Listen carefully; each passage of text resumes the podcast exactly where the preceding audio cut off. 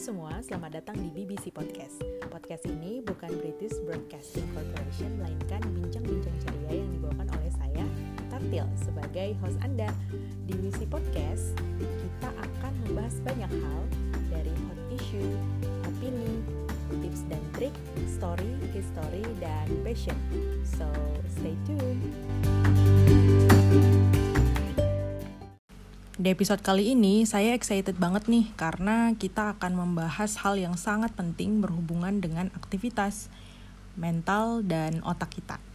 Nah, di episode ke-16 season kedua ini saya akan berbincang-bincang lumayan banyak dengan seorang pakar khusus mengenai neuroscience. Jadi kalau yang nggak tahu neuroscience itu apa, jadi kita akan membahas tentang berbagai hal mengenai jaringan otak kita. Jadi kalian jangan khawatir kalau misalnya kita bakalan mengulang beberapa mata pelajaran dengan berbagai istilahnya seperti SMA dulu karena um, perbincangan ini akan lebih seru lagi karena kita akan berbincang-bincang gimana sih efek kesehatan otak terhadap kesehatan mental kita atau bahkan sebaliknya. Nah, penasaran kan? Nah, biasanya kalau misalnya kita concern mengenai mental health, itu orang-orang selalu ngomong fokusnya tentang keperasaan, gimana supaya kita itu tetap menjadi senang dan bahagia supaya mental kita tetap sehat. Nah, saat ini kita akan membahas dari perspektif yang berbeda, yakni dari perspektif organ lain, yakni otak, gitu ya. Tentu saya nggak sendiri, karena kebetulan banget guestnya adalah mantan hostmate saya sendiri di Australia. Kalau misalnya kalian um, dengar BBC di episode-episode sebelumnya saya pernah bicara tentang hormon reset diet. Nah itu semua terinspirasi dari buku yang sudah sempat saya baca miliknya orang ini. Kayak gitu. Nah beliau ini kebetulan ngambil PhD di Australia tentang neuroscience. Menariknya nih ya, um, beliau punya pengalaman penelitian di UQ. Jadi beliau tuh S2-nya dulu di University of Queensland dan mengambil penelitian tentang um, efek stres terhadap perilaku seperti kecemasan, depresi, memori serta uh, perubahan apa saja yang kemungkinan muncul di otak kayak gitu. Menarik ya. Dan kebetulan sekarang uh, beliau mengambil riset di University of Melbourne tentang uh, beberapa hal yang mempengaruhi stres terhadap gangguan makanan seperti itu. Sebenarnya ini relate banget dengan uh, background saya gitu ya, tapi kita akan fokus tentang mental health dan kesehatan otak itu sendiri. Nah, sebelum kita berbincang lebih jauh dengan guest kita pada episode kali ini, kita cek beberapa fakta dulu yuk mengenai brain atau otak kita. Yang pertama, ini yang paling umum banget. Uh, otak kita dibagi menjadi tiga bagian, otak depan, otak tengah, dan otak belakang. Di mana otak depan itu berfungsi untuk mengontrol segala pikiran, indera, fungsi motorik atau gerak, emosi, dan keinginan atas segala sesuatu. Sedangkan otak tengah digunakan untuk mengontrol audio, visual, dan refleks serta kesadaran.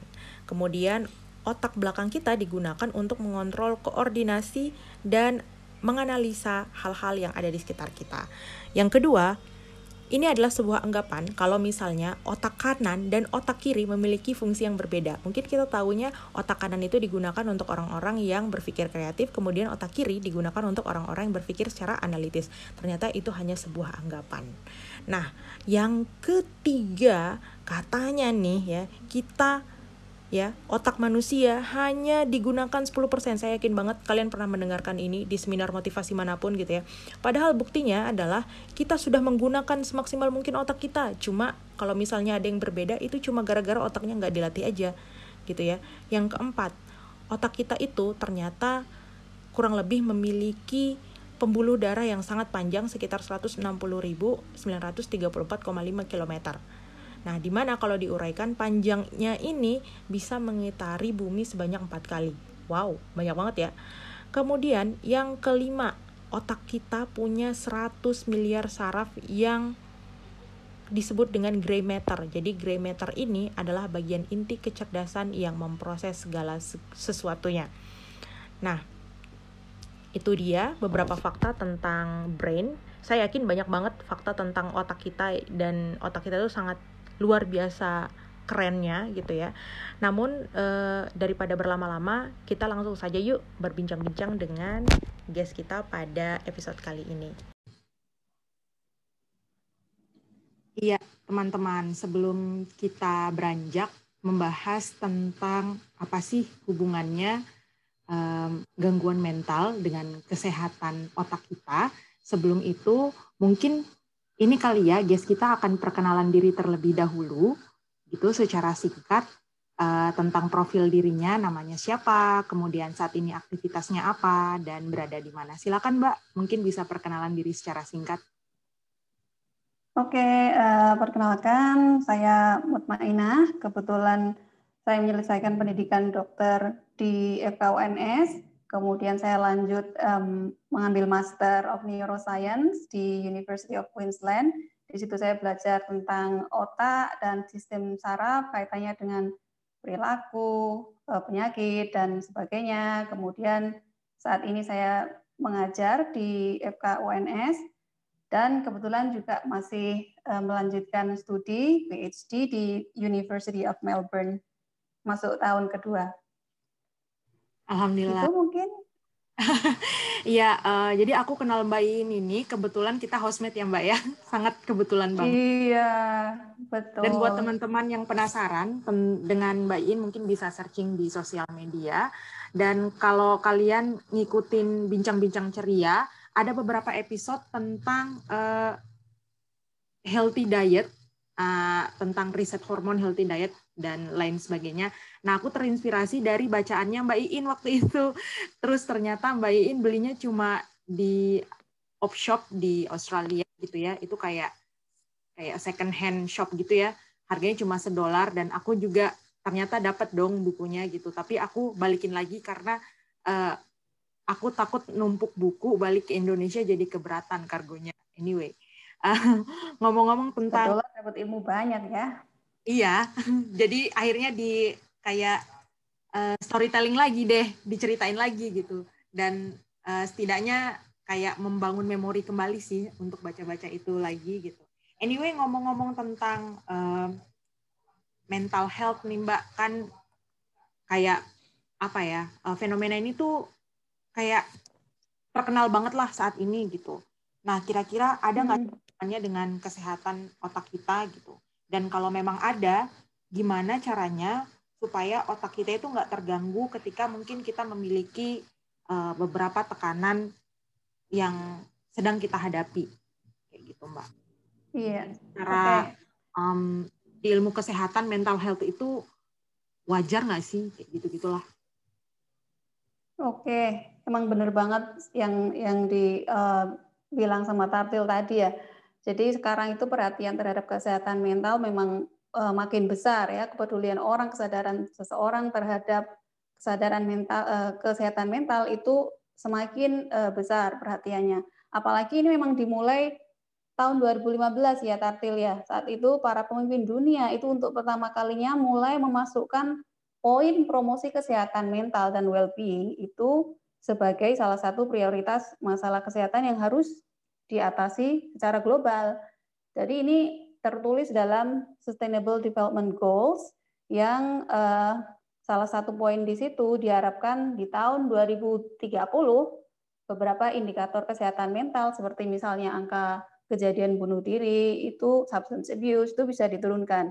Jadi memang perlu banget disyukuri bahwa saat ini uh, secara global perhatian untuk pentingnya kesehatan mental itu sudah semakin uh, tinggi ya. Kalau sebelum SDGs kan kita ada MDG juga yang uh, Millennium Development Goals itu dia kan belum belum masuk. Jadi mulai dari um, Sustainable Development Goals yang SDGs itu poin kesehatan mental itu benar-benar sudah dimasukkan sebagai prioritas agenda untuk masalah kesehatan di dunia. Jadi um, ini wajar banget ya karena kalau kita lihat sesungguhnya sehat itu kan bukan hanya bukan hanya dilihat dari fisiknya ya. Karena kalau kita merujuk ke WHO, sehat itu cakupannya sangat luas ya. Bukan hanya sehat secara fisik tetapi juga mental maupun sosial. bukan hanya kita terbebas dari penyakit atau kelemahan dan cacat. Artinya ada tiga poin yang harus dipenuhi kalau kita itu pengen disebut sehat, ya sehat secara fisiknya, sehat secara mental dan psikologisnya, dan juga secara sosialnya. Nah, sekarang pertanyaannya, apakah ada nih hubungan antara kesehatan otak dengan kesehatan mental kita? Jelas ada dong. Jadi kalau kita lihat kembali rujuk kembali kesehatan mental, itu dia sangat terkait dengan kemampuan seseorang untuk berpikir, kemudian merasakan emosi, berperilaku, dan berhubungan dengan orang lain. Nah, pikiran, perasaan, perilaku itu semuanya kan diatur oleh otak kita. Jadi, kalau misalkan uh, ada gangguan mental, itu sering kali memang terjadi kalau ada kelainan di otak itu sendiri baik itu kelainan dalam strukturnya ataupun ada kelainan dalam proses-proses kimiawi di dalamnya maupun fungsionalnya. Ada banyak penelitian juga sih yang uh, menunjukkan kalau terjadi perubahan struktur otak itu uh, pada penderita gangguan mental itu udah bisa dilihat dalam berbagai studi yang misalkan menggunakan brain imaging ya. Kalau kita uh, baca di jurnal-jurnal itu banyak penelitian menunjukkan Misalnya nih orang dengan gangguan depresi, ternyata kalau dia di brain scan dilihat otaknya itu dia ada gangguan uh, dari struktur uh, otaknya. Jadi ada yang namanya hipokampus itu salah satu area di otak yang pada pasien-pasien depresi itu dia volumenya lebih kecil. Nah, hipokampus ini adalah pusat uh, untuk learning, untuk memori, dan dia juga berkoneksi dengan struktur-struktur pengatur emosi atau yang disebut dengan sistem limbik. Ada juga contoh-contoh lainnya, misalnya pasien dengan gangguan mental skizofrenia. Banyak terbukti bahwa kalau di scan otaknya ternyata dia banyak ukuran eh, area-area otak tertentu yang dia lebih kecil dibandingkan dengan orang normal. Jadi memang secara ilmiah itu sudah banyak dibuktikan. Contoh lain misalnya ya kayak Alzheimer disease yang uh, banyak juga ditemui kasusnya di situ ada bagian korteks atau kulit luar otaknya itu dia lebih tipis dan secara keseluruhan otaknya itu dia mengkerut lebih kecil eh, dari orang normal. Nah, eh, hal ini bisa membuktikan ya bahwa kerusakan tertentu di bagian otak itu akan juga berpengaruh terhadap gangguan mental dia. Jadi kalau misalkan orang ini kena stroke ya, kasih contoh misalnya stroke, kok setelah stroke dia jadi ada gangguan ini ya perubahan perilaku atau perubahan emosi kepribadiannya kok jadi beda ya. Nah mungkin kalau dia stroke-nya memang mengenai area-area yang uh, mengatur fungsi itu ya, mengatur fungsi emosi, fungsi kepribadian itu pasti dia juga uh, akan ada efeknya ke gangguan mentalnya. Jadi gitu ya. Terus itu dari sisi struktur otaknya. Sekarang kita lihat lagi misalkan dari sisi kimiawinya. Jadi kalau kita lihat otak itu kan dia berkomunikasi eh, atau otak itu melaksanakan fungsinya untuk mengatur berbagai proses dalam tubuh itu karena dia saling ada komunikasi antar sel saraf atau yang kita sebut dengan neuron. Nah, dalam kasus di mana terjadi gangguan komunikasi antar sel saraf, bisa terjadi yang namanya gejala gangguan kejiwaan. Baik itu depresi, kecemasan, atau skizofrenia, atau gangguan yang lain. Nah, kalau kita lihat riset-riset yang banyak yang bisa kita baca lah di jurnal-jurnal, ada uh, yang namanya senyawa kimia yang tadi memfasilitasi komunikasi antar sel saraf itu kita sebut neurotransmitter. Ternyata nih, kalau pada eh, gejala-gejala gangguan mental, misalnya depresi, itu ada gangguan dalam neurotransmitternya. Jadi kalau orang depresi itu hasilnya ternyata oh dia uh, kadar neurotransmitter tertentu, misalnya serotonin itu dia rendah.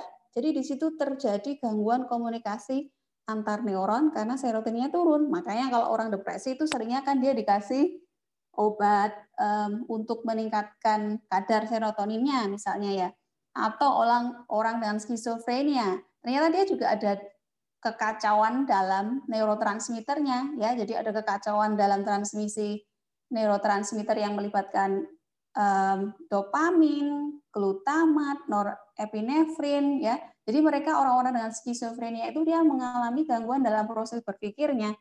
Dia ada gangguan dalam emosinya, perilakunya, apalagi misalkan kalau uh, Alzheimer ya, Alzheimer itu juga ada gangguan dalam neurotransmitter yang disebut asetilkolin. Jadi faktor-faktor um, biologi seperti yang uh, saya ceritakan tadi memang nyata adanya dan itu benar-benar real bisa dilihat dan menjadi salah satu penyebab adanya uh, apa namanya gangguan-gangguan uh, mental ya. Tentu saja ada faktor-faktor biologis yang lain yang bisa mengganggu fungsi otak. Misalnya ada faktor genetik, kemudian ada mungkin brain injury ya, ada toksin, infeksi, nutrisi yang buruk dan sebagainya. Jadi um, banyak sekali memang hal-hal yang merusak fungsi otak itu nanti dia bisa ngaruhnya ke muncul gejala-gejala gangguan kejiwaan. Meskipun harus diingat loh ya, nggak semua penyakit otak itu nanti terus dia jadi gangguan mental loh ya. Jadi mesti mesti diingat juga. Karena kan intinya sebenarnya kalau uh, gangguan uh, mental itu dia sangat kompleks sih penyebabnya itu nggak cuma satu dia multifaktorial. Ada faktor biologis ada faktor uh, psikologis ada faktor sosial. Jadi kombinasi antara faktor-faktor tersebut itu dia bisa menyebabkan timbulnya gangguan uh, di mental kita gitu. Mungkin itu ya kalau kalau ya kalau untuk menjawab pertanyaan mengap, apakah hmm. ada kaitannya antara kesehatan otak dengan kesehatan mental kita. Jadi se, apa namanya bisa dilihat dari beberapa faktor itu. Menarik banget ya. Itu. Menarik hmm, banget. Aku baru tahu kalau misalnya ternyata uh, obat-obat yang aku kan nonton mungkin beberapa movie gitu ya ada orang dengan gangguan nggak nggak sampai gila sih mungkin ada gangguan kejiwaan yang disebut dengan mental health itu ketika mereka Eh, apa namanya konsultasi ke dokter. Mungkin itu juga yang dialami oleh beberapa teman aku di Australia. Dia sampai pergi ke dokter dan memberikan obat. Ternyata itu obat untuk meningkatkan serotonin gitu loh. Aku baru tahu ini gitu. hmm, oh, iya iya. karena iya. Karena memang intinya komunikasi antar sel saraf itu dia yang menjadi dasar dari um, bagaimana otak itu berfungsi untuk mengatur segala macam aktivitas kita ya sebagai uh, individu gitu. Menarik, menarik, menarik. Terus, Mbak, gimana sih caranya supaya kerja otak kita itu nggak terganggu gitu? Hmm, ya. Sebenarnya ada banyak hal simpel yang bisa dilakukan yang kita ah, mungkin karena sudah terlalu dengar jadi nggak nggak apa namanya ah masa iya sih eh, padahal sebenarnya hal-hal yang simpel dan yang sering kita dengar itu memang terbukti secara ilmiah ya akan bisa membantu menjaga kesehatan otak kita. Contohnya nih, misal olahraga. Berapa kali kita dengar kalau kita pengen sehat, baik secara fisiknya maupun secara mentalnya, kita harus olahraga. But, apakah semua orang sudah melakukannya? No. As simple as that, olahraga. Jadi, um, kalau untuk kesehatan fisik sudah jelas manfaatnya ya. Um, kita jadi fungsi, fungsi jantungnya baik, dia peredaran darahnya juga jadi lancar, Akibatnya nanti juga aliran darah ke otaknya juga bagus, meningkat. Karena intinya tubuh yang sehat itu adalah um, apa ya hal yang sangat penting untuk otak yang sehat. So first thing exercise dia menyehatkan tubuh, tubuh yang sehat itu good for your brain. Itu nomor satu. Nah selain dia baik untuk tubuh kesehatan secara keseluruhan, dia juga akan bisa mempengaruhi uh, fungsi dari otak itu sendiri. Jadi ada salah satu um, istilahnya ini substansi kimia ya namanya BDNF ya brain derived neurotrophic factor. Istilahnya BDNF itu dia kayak pupuknya gitu loh pupuknya untuk uh, untuk sel-sel sarafnya. Jadi dia bisa membantu pertumbuhan sel dan dia bisa ditingkatkan dengan olahraga. That's uh, one important thing. Lalu selain itu uh, aku juga di lab labku sekarang kan banyak juga yang dia meneliti tentang fungsi exercise kaitannya dengan um, kesehatan otak. In this case karena mereka pakai animal ya, jadi mereka melihat efeknya pada misalkan perilaku-perilaku yang menunjukkan depresi, kecemasan dan sebagainya. Dan ternyata uh, apa namanya exercise itu bagus untuk mengurangi gejala-gejala itu.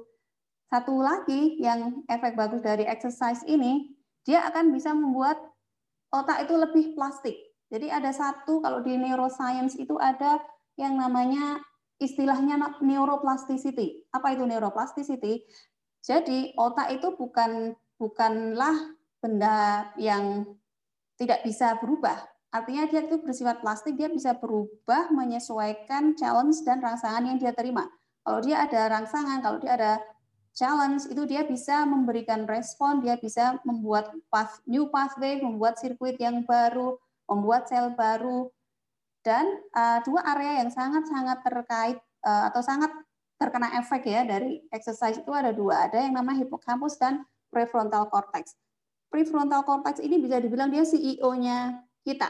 Um, dia bagian bagian yang kalau dilihat itu dia tepat di, di belakang jidat kita ini ya. Jadi di di di belakang jidat kita pas ini PFC dia itu CEO-nya, dia yang mengatur um, fungsi eksekusi dan sebagainya. Kemudian kalau hipokampus itu dia tempat di mana timbul atau diproduksi sel-sel saraf baru yang nanti dia akan didistribusikan eh, ke tempat-tempat lain, area-area otak yang lain. Jadi kalau misalkan kita olahraga, dua area ini itu sangat eh, terpengaruh, dia menjadi lebih plastis ya, menjadi lebih bisa apa namanya istilahnya, ya ada banyak eh, ada banyak perubahan yang menuju yang lebih baik ya.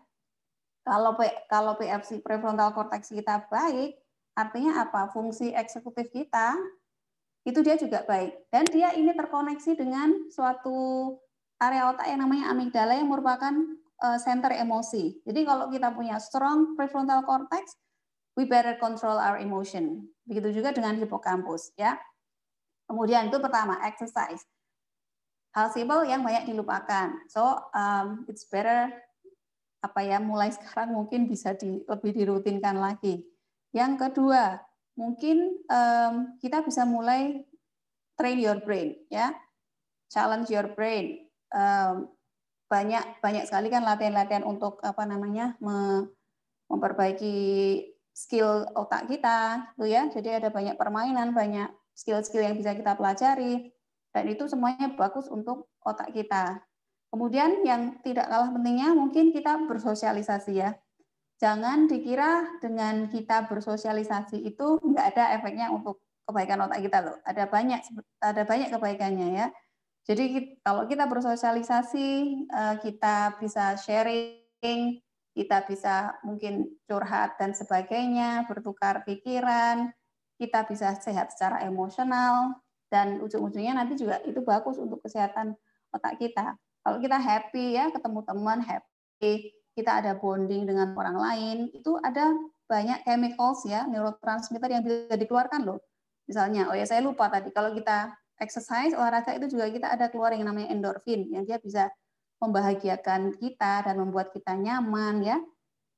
Kalau kita itu punya ikatan atau bonding yang kuat dengan seseorang, kita bisa keluar yang namanya oksitosin ya yang bisa disebut juga dia hormon kayak semacam hormon kebahagiaan gitulah ya um, atau kalau apa namanya orang yang habis melahirkan kayak gitu ya dia kan punya bonding yang kuat dengan bayi yang baru dilahirkan di situ kita bisa tahu dia oksidasinya tinggi jadi itu ternyata kalau kita bersosialisasi kita eh, membangun kedekatan dengan orang lain itu berolahraga itu banyak chemicals chemicals neurotransmitter yang bisa dikeluarkan yang pada ini akan bantu fungsi otak kita untuk lebih baik. Dan ini ini terkait dengan tartil nih, ini yang ahli gizi nih. Healthy diet pasti. Itu juga jangan dilupakan. Healthy diet. tartil lebih tartil pasti lebih jago lah apa aja nih makanan yang bagus untuk otak kan ya. Ya, omega 3 yang ya bisa makan salmon, olive oil, nuts, ya kacang-kacangan dan sebagainya. Ini it might sound apa ya? Karena banyak orang oke okay, uh, eh, makan sayur dan buah gitu kan, tapi memang juga tidak semua orang melakukan itu.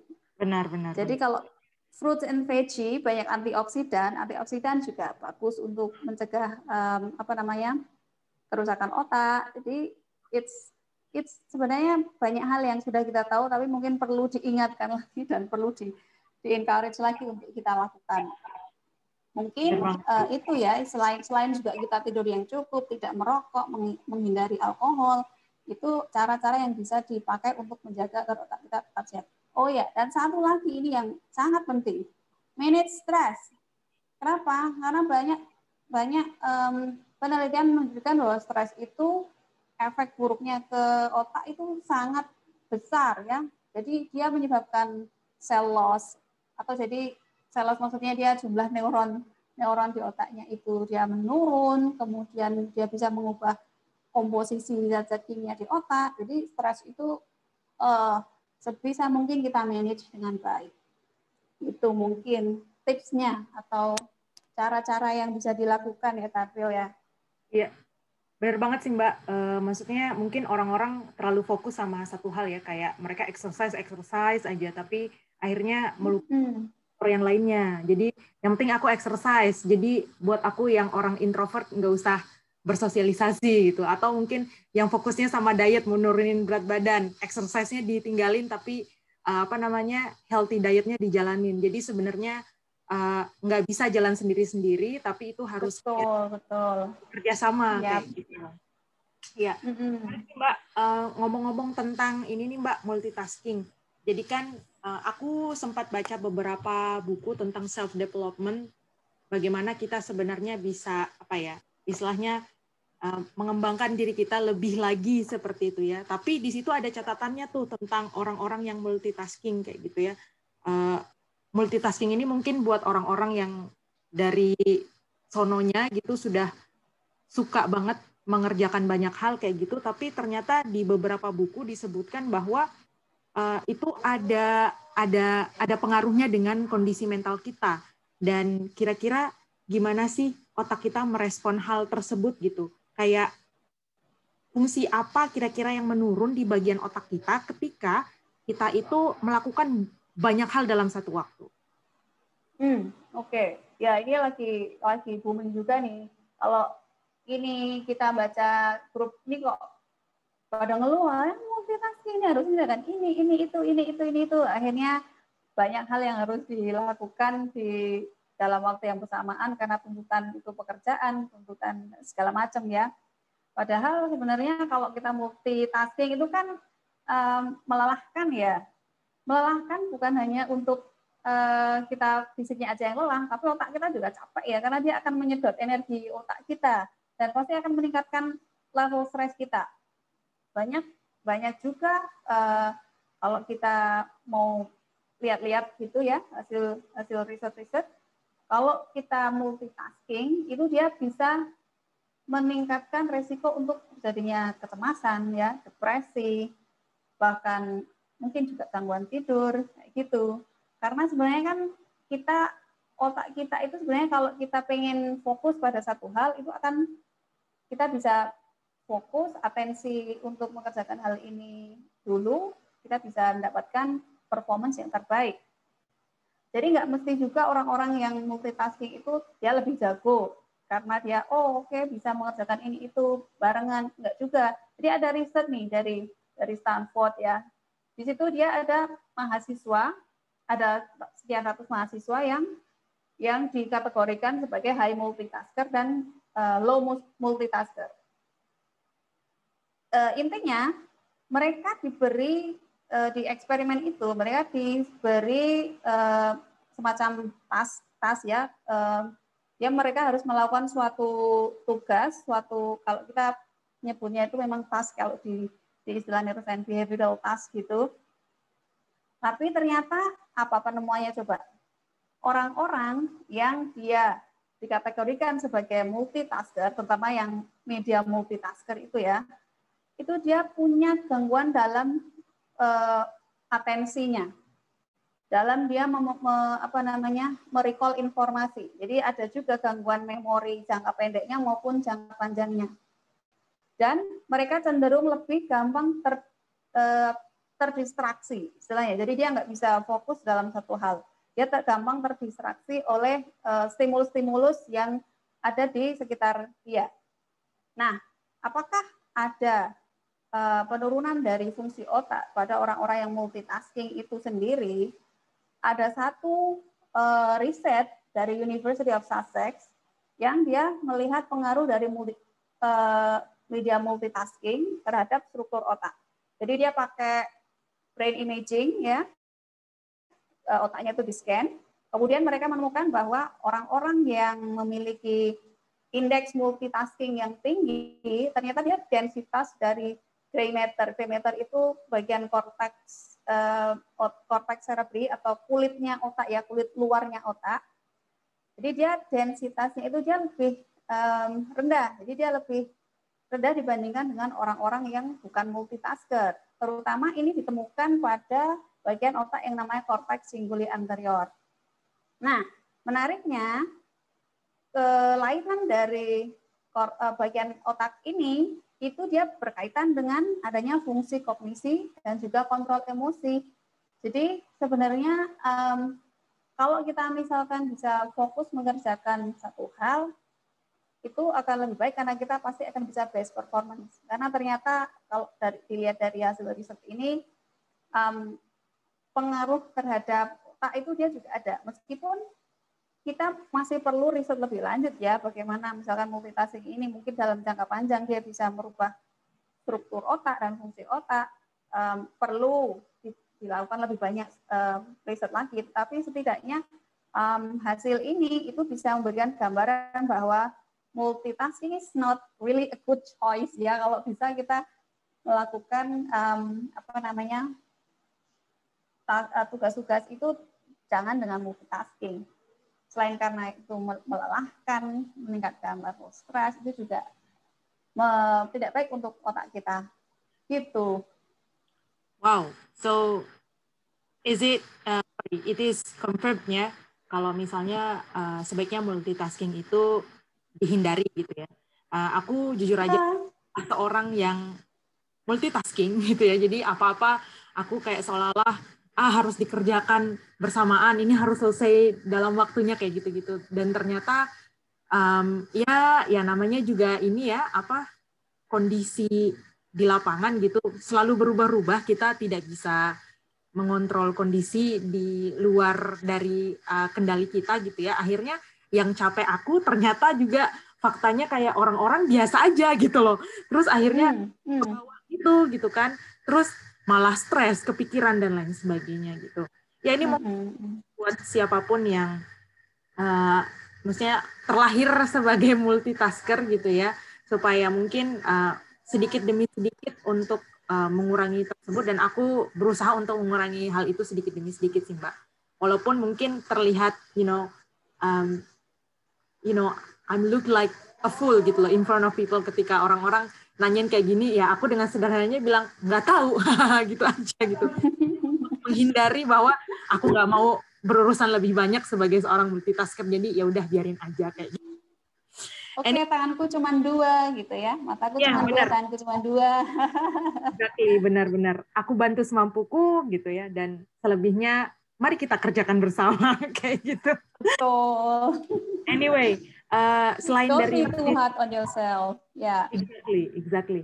Um, selain dari multitasking nih Mbak, jadi ada beberapa uh, teori juga gitu yang mungkin pernah aku baca gitu ya di beberapa buku mengenai uh, mungkin gangguan dari otak itu bisa mempengaruhi eh sorry ya gangguan dari otak itu bisa uh, menimbulkan penyakit seperti namanya psikomatis itu gimana Mbak kira-kira?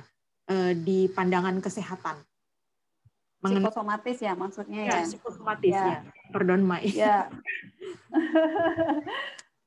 um, kalau dilihat dari susunan katanya ya psikosomatis itu kan dari dua kata psike artinya um, ya pikiran lah atau psikis ya dan soma soma itu artinya badan atau tubuh jadi intinya kalau gangguan psikosomatis itu itu sebenarnya istilah yang dipakai untuk menggambarkan adanya keluhan-keluhan fisik yang timbulnya itu sebenarnya dari faktor psikologis ya, dari faktor tadilah stres emosional, pikiran dan sebagainya. Sehingga orang-orang yang e, mengalami gangguan psikosomatis ini dia kalau lagi stres itu bisa muncul keluhan-keluhan fisik kayak misalnya dia udah tidur cukup tapi kok badannya masih capek semua, ada nyeri otot, eh, sakit perut, nyeri dada gitu ya. Mungkin dia sesek. Jadi kalau diperiksa memang biasanya tidak ada semacam apa ya fisiknya itu dia tidak ada kelainan yang benar-benar mendasari kelainan itu atau keluhan itu ya. Contohnya gini, maksudnya tidak ada kelainan organik itu misalnya gini. Misalnya kalau kita nyeri dada nih ya, eh, nyeri dada, keluhannya nyeri dada. Kalau dilihat ternyata oh, oh ternyata dia ada um, infak miokard, dia ada kerusakan sel-sel di jantungnya gitu. Itu kan kelainan di organnya jelas terlihat. Tapi kalau orang dengan psikosomatis itu dia nyeri dada, tapi kalau diperiksa dadanya enggak enggak ditemukan kelainan apa pun ya.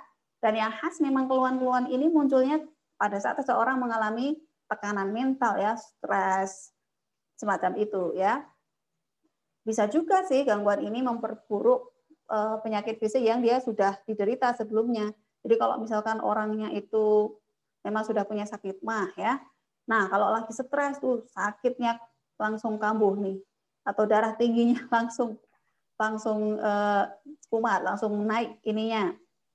Atau sering juga ini kalau kelainan kelainan-kelainan di kulit ya seperti misalnya uh, psoriasis itu juga dia kalau stres tuh kumat. Nah, ada juga nih temanku nih, benar-benar teman nih kalau dia lagi stres tuh langsung cerita, ah kulit gue gatel-gatel, ya alerginya langsung kumat ya. Dia punya dermatitis gitu, jadi langsung gatel-gatel kalau dia lagi stres cerita real juga nih Tartil teman kita yang di Melbourne mm -hmm.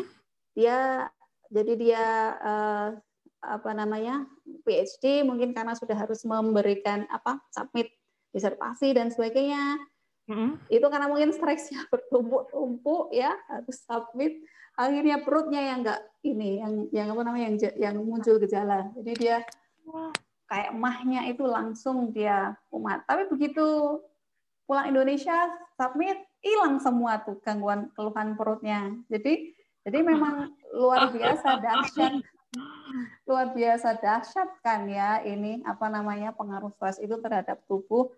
Nah, sebenarnya gimana sih maksudnya kok bisa sampai segitunya stres itu bisa e, menimbulkan gejala-gejala yang sampai seperti itu ya sampai dia benar-benar kayak gejala fisiknya itu kelihatan benar ada dua respon tubuh yang yang uh, terjadi saat kita mengalami stres. Yang pertama nih ya, nanti akan terjadi aksi, uh, aktivasi dari sistem saraf simpatis. Di sini sistem saraf ini akan intinya dia akan membuat tubuh ini menjadi siap siaga. Ya, dia jadi tegang, dia siap siaga untuk menghadapi challenge atau stres yang meng, uh, mengancam dia. Jadi di situ sel saraf uh, sorry Sistem saraf simpatis ini dia akan mengeluarkan sinyal kimia yang namanya epinefrin ya atau adrenalin. Jadi dia akan diselu, di, dilepaskan, dia akan diedarkan ke seluruh tubuh. Efeknya apa ini kalau aktivasi sistem saraf simpatis nih? Jantungnya berdetak lebih kencang, tekanan darah naik, nafasnya makin cepat, ya otot-otot kencang, pencernaan lambat dan sebagainya. Intinya mungkin ada juga yang pernah mengalami ini ya. Intinya dia memang uh, mempersiapkan individu itu untuk dia um, ready ya, fight of life jadi ada stres, ada ancaman, dia melawan atau dia nggak berani, dia lari. Istilahnya itu fight or flight. Nah yang kedua, selain sistem sarafnya itu tadi yang di apa namanya diaktifasi, nanti juga ada um, aktivasi dari hormon namanya istilahnya HPA axis. Jadi itu hipotalamus pituitari adrenal axis. Jadi hipotalamus itu suatu um, kelenjar endokrin, kelenjar hormon yang ada di otak.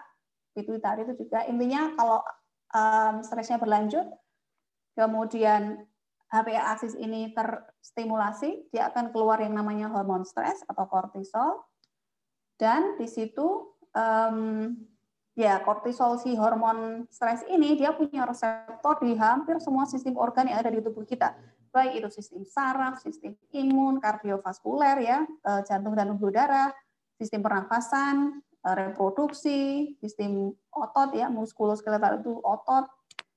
Um, jadi bisa dibilang dia efeknya itu bisa ke seluruh sistem yang ada di tubuh. Makanya kalau um, stresnya itu terus menerus, kemudian dia tidak apa namanya bisa di manage dengan baik, kita bisa lihat dari riset-riset eh, bahwa hampir semua penyakit itu ada kaitannya dengan stres ya.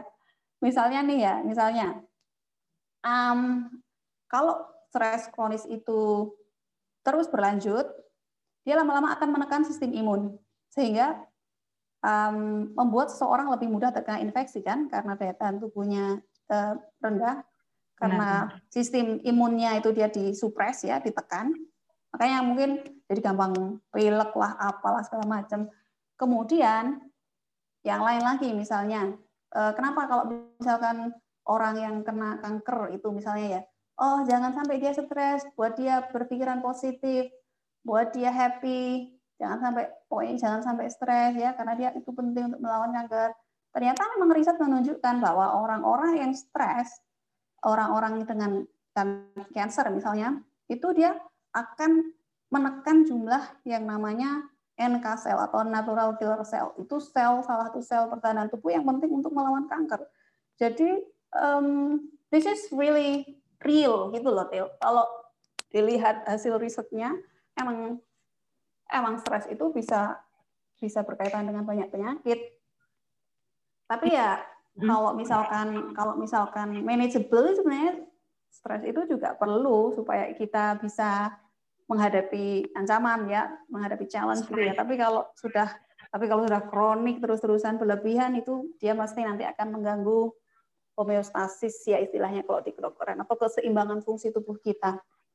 Jadi ya memang memang wajar lah kalau misalkan orang itu stres kemudian tubuhnya itu bereaksi Eh, secara apa namanya ada tadi sistem sarafnya, ada sistem hormonnya dan sebagainya dan dia dia mempengaruhi fungsi tubuh. Memang kadang-kadang pada orang-orang tertentu dia akan timbul gejala-gejala fisik seperti yang tadi disebutkan. Karena memang efeknya itu ternyata luar biasa stres itu. Juga terhadap juga terhadap otak itu juga banyak hasil uh, banyak hasil yang uh, banyak riset yang menunjukkan kalau dia pengaruh ke otak juga sangat besar. I see. Itu juga punya teman Mbak dulu pas waktu kuliah uh, S2 dianya tapi kita beda negara. Jadi dia setiap kalau ada uh, stres yang dia alami gitu ya, entah itu tugas atau apa itu tiba-tiba dia langsung mahnya kumat gitu. Jadi kayak mahnya kambuh dan sampai kayak masuk ke rumah sakit kayak gitu. Dan hmm, karena stres ya. Hmm Mungkin dari penjelasan. Karena dia sebenarnya stres itu stres itu kalau kalau tadi kan stres itu kan merangsang sistem saraf ya. Salah hmm. satu efeknya itu dia akan meningkatkan produksi dari asam lambung. Makanya kalau mahnya ini biasanya gue juga loh. Oh iya Mbak. Kalau pas itu kalau oh oke okay, ada ini kalau berlebihan kadang-kadang suka ini juga oh oke okay, mulai kerasa-kerasa oh ini tanda-tanda nih warning nih jadi oh, ada tanda-tanda ini warning nih gitu jadi kita mesti paham hmm. apa nih eh, hal-hal uh, yang kira-kira udah jadi tanda kita kalau kita lagi stres. I see, oke, okay. Mbak uh, beranjak dari mental health kita ke salah satu gangguan yang lain yang tadi Mbak juga sudah sampaikan disebut dengan Alzheimer. Uh, jadi mungkin banyak orang yang nggak familiar kali ya tentang istilah Alzheimer itu, tapi kalau secara singkat itu kan kayak gangguan yang ngebuat orang tuh kayak dikit-dikit cepat lupa kayak gitu kan. Dan kalau aku baca-baca di beberapa artikel itu kayak dialami oleh orang-orang dengan usia lanjut. Dan cara untuk hmm. menanggulangi gangguan ini adalah dengan sebenarnya sederhana seperti uh, membaca buku. Pokoknya membaca kemudian mungkin asupan makanannya seperti uh, apa namanya sumber-sumber uh, minyak nabati kayak nuts oil dan lain sebagainya. Kira dari aktivitas yang sederhana seperti membaca kayak gitu ya, membaca hal-hal yang baru itu gimana sih pengaruhnya atau ya otak kita berpengaruh terhadap aktivitas-aktivitas itu sehingga menurunkan potensi cepat lupa itu. Ya, um, memang salah satu tanda Alzheimer yang yang sering kita temui itu kan memang dia jadi mudah lupa ya ada ada gangguan memori.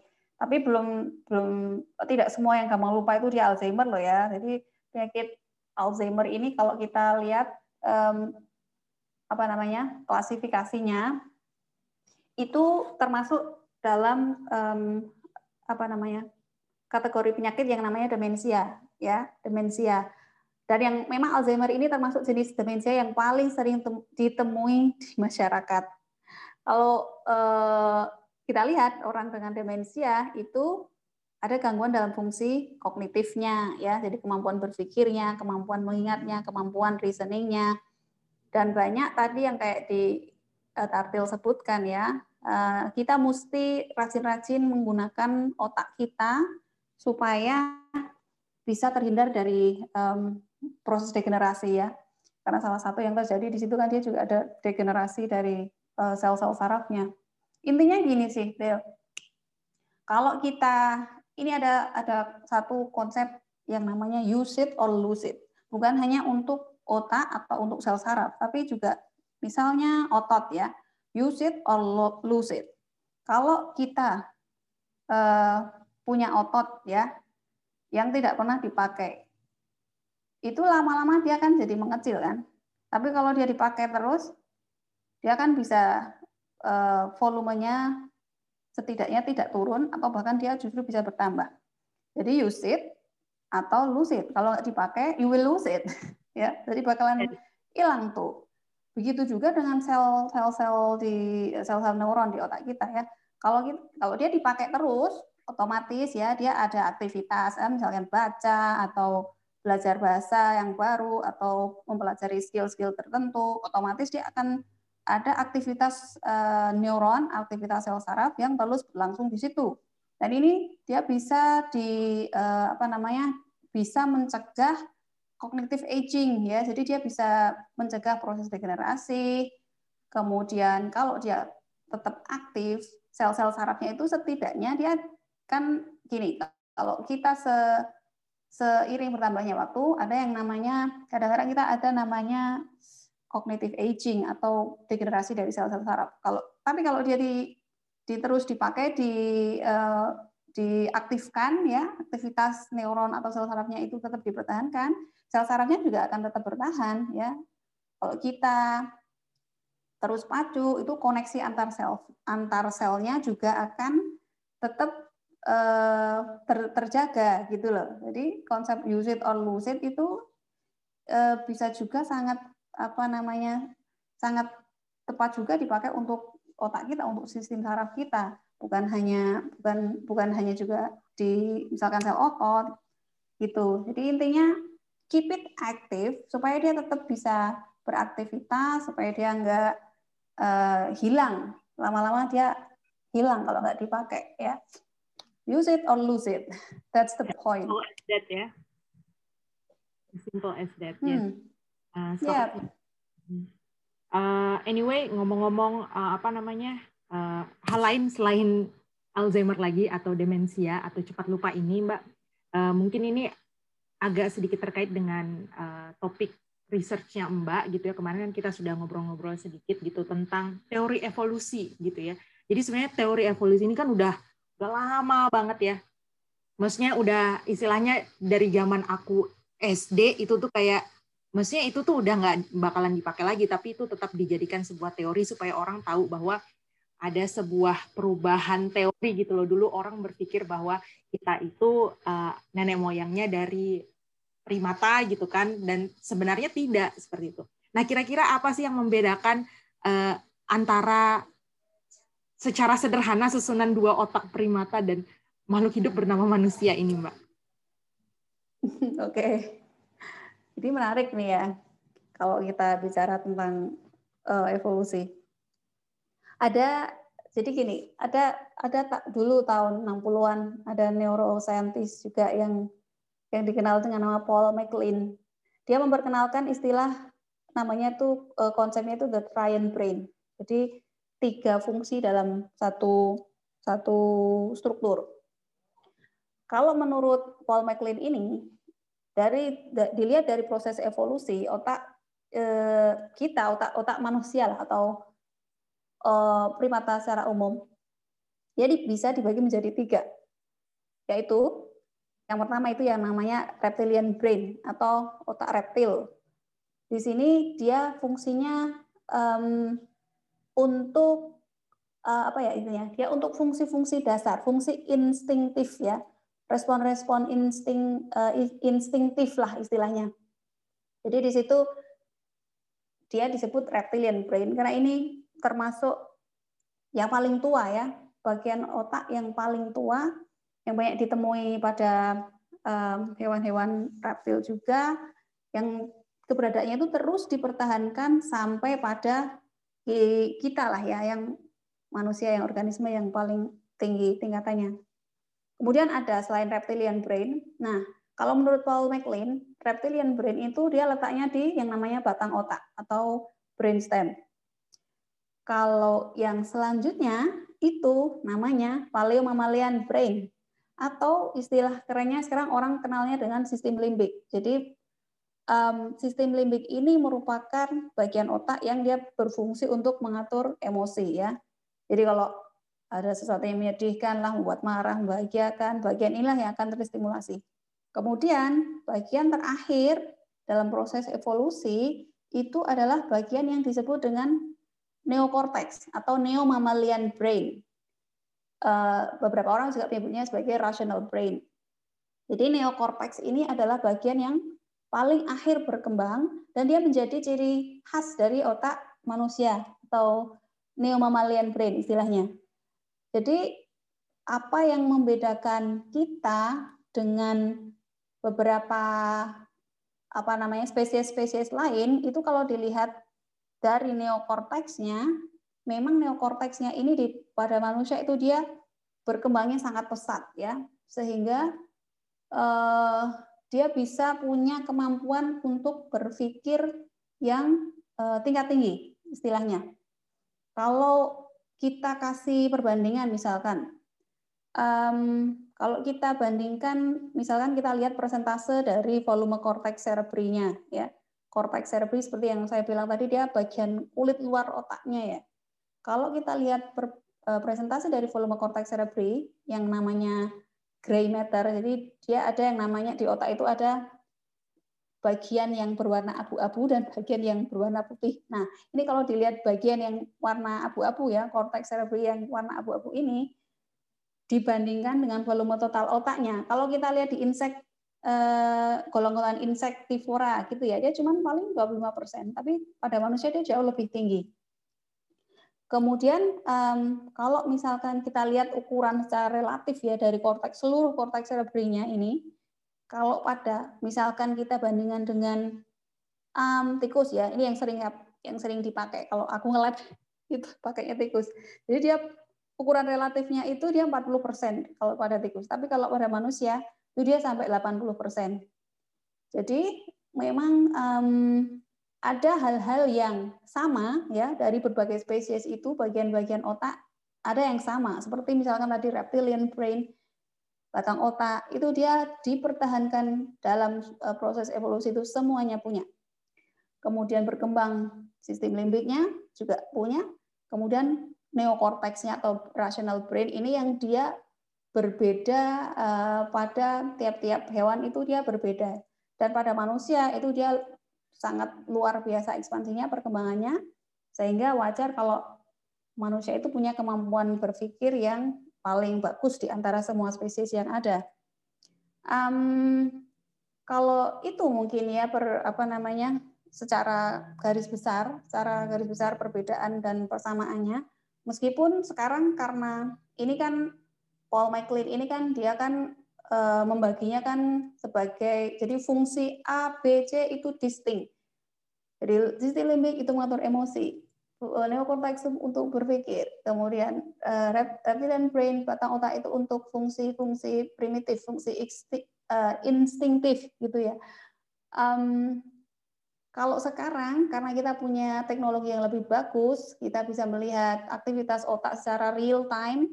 Jadi manusia melakukan um, apa kita bisa lihat aktivitas otaknya. Itu banyak ditunjukkan bahwa oh ternyata um, ada beberapa area otak yang teraktivasi. Kalau kita misalkan emosinya terstimulasi atau kita sedang berpikir itu tidak hanya uh, um,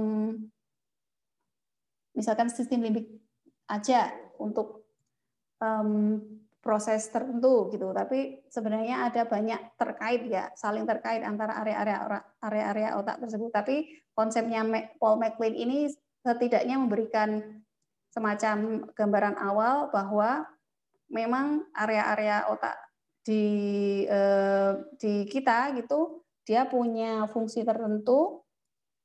Dan seiring dengan pertumbuh eh, perkembangan teknologi kita bisa mem, apa namanya istilahnya membuat mapping ya, ya.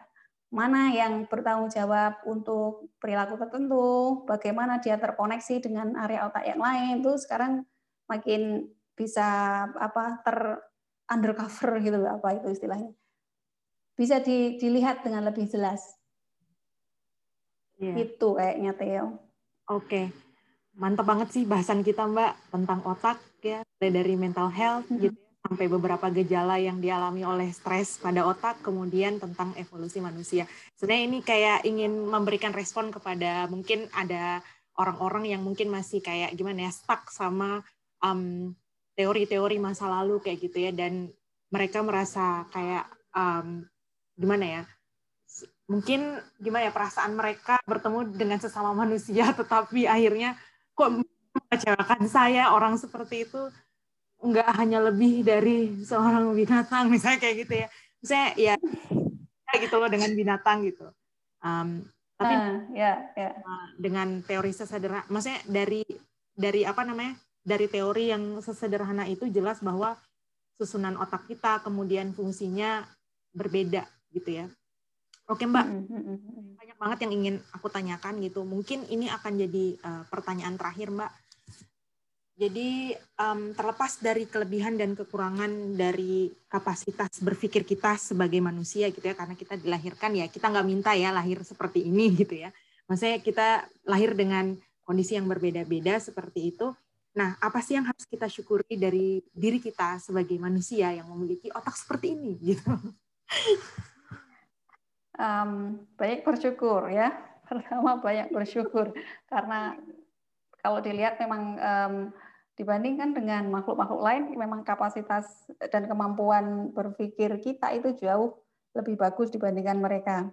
Tapi uh, untuk yang terakhir mungkin perlu di perlu digarisbawahi juga ya bahwa kita hidup itu kan bukan hanya faktor biologis saja yang berpengaruh ya, bukan hanya otak saja, tapi ada faktor apa namanya sosial, ada faktor spiritual yang itu juga mempengaruhi keseluruhan um, kesehatan kita ya ada banyak masih ada banyak misteri ya di balik um, misalnya bagaimana spiritual spirit uh, spiritualitas itu mempengaruhi kebahagiaan kita, kesehatan kita, dan sebagainya. Bagaimana faktor-faktor sosial itu juga mempengaruhi kehidupan kita, kesehatan kita. Jadi otak itu oke, okay, it's amazing, it's um, mengagumkan, tapi kita nggak bisa melulu mengandalkan semuanya itu pada otak kita, karena ada banyak faktor-faktor di luar otak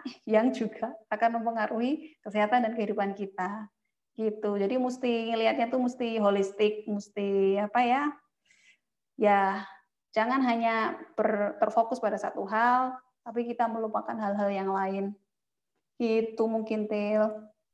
Menarik banget Mbak. Makasih banyak dan um, ini mudah-mudahan bisa kayak ngebuka insight para pendengar bincang-bincang ceria supaya mereka itu jangan terlalu apa ya fokus terhadap kekurangan mereka kayak gitu ya. Dan masa-masa ini kan COVID ini kan pasti banyak banget ini ya eh, ups and downs yang terjadi di kehidupan setiap manusia gitu. Dan semoga penjelasan ini bisa apa ya lift them untuk tetap um, berpikir positif gitu ya bahwa you know there there will be a good way in the future. So yeah, seperti itu. True, betul. Makasih banyak Stress Mbak. Management. Makasih banyak okay, Mbak. Oke, thank you banget undangannya Tatil. Semoga lancar urusannya, urusan kerja, kemudian uh, urusan researchnya gitu ya, dan uh, mudah-mudahan bisa memberikan kontribusi yang lebih besar lagi untuk Indonesia. Oke.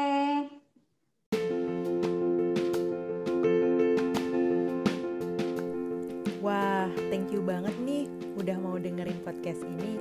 Untuk update, jangan lupa ya follow semua sosial media podcast kita di Twitter, Facebook, dan Instagram.